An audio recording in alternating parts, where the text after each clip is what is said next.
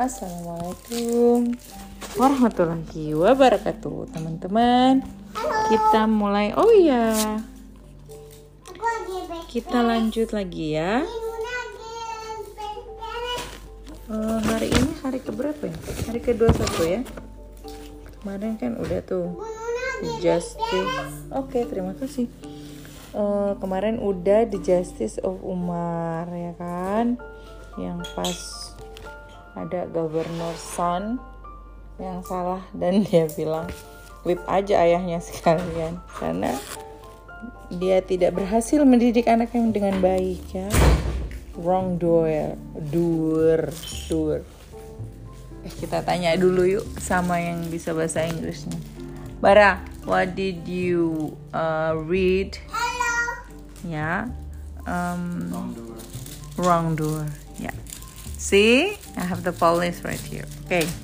Now we go to day 21 slavery abolished. What is abolished, Bara? Dihilangkan. Dihapuskan. Abolishment. Okay. Islam was the first religion. Ingat ya. To, ra to raise its voice over slavery. Among the early converts to Islam, there were many slaves. This attitude of Islam to slavery was one of the reasons for the hostility of the Quraysh to Islam and the Prophet. They could not believe that a slave could be given an equal status in society. Jadi mereka itu nggak suka kalau budak-budak itu dijadiin kok bisa sama aku sama dia gitu kan. Nah, when Umar become caliph, he declared that no Arab could be a slave. Thus, Arabia became the first country that abolished slavery. Tuh, keren banget kan? Remember, ini tahun berapa dan Islam udah duluan, sedangkan Afrika, Amerika itu wah lambat-lambat lambat belum ketemu ya. Nah, kemudian Umar emancipated all slaves who were captured in the wars. Umar also decreed that slave woman who had born a child to her master stood emancipated. Nah ini kayak yang kemarin itu kan alasan dia tanda-tanda kiamat ada yang hamil dari pak tuannya tuannya slave-nya master nah ini dia bilang kalau kamu ada yang hamil kayak gitu kamu harus nuntut anaknya itu biar dia bisa ditanggung jawab sama masternya nah the Quran laid down if you see good in them, slaves, dalam kurung, make our agreement with them.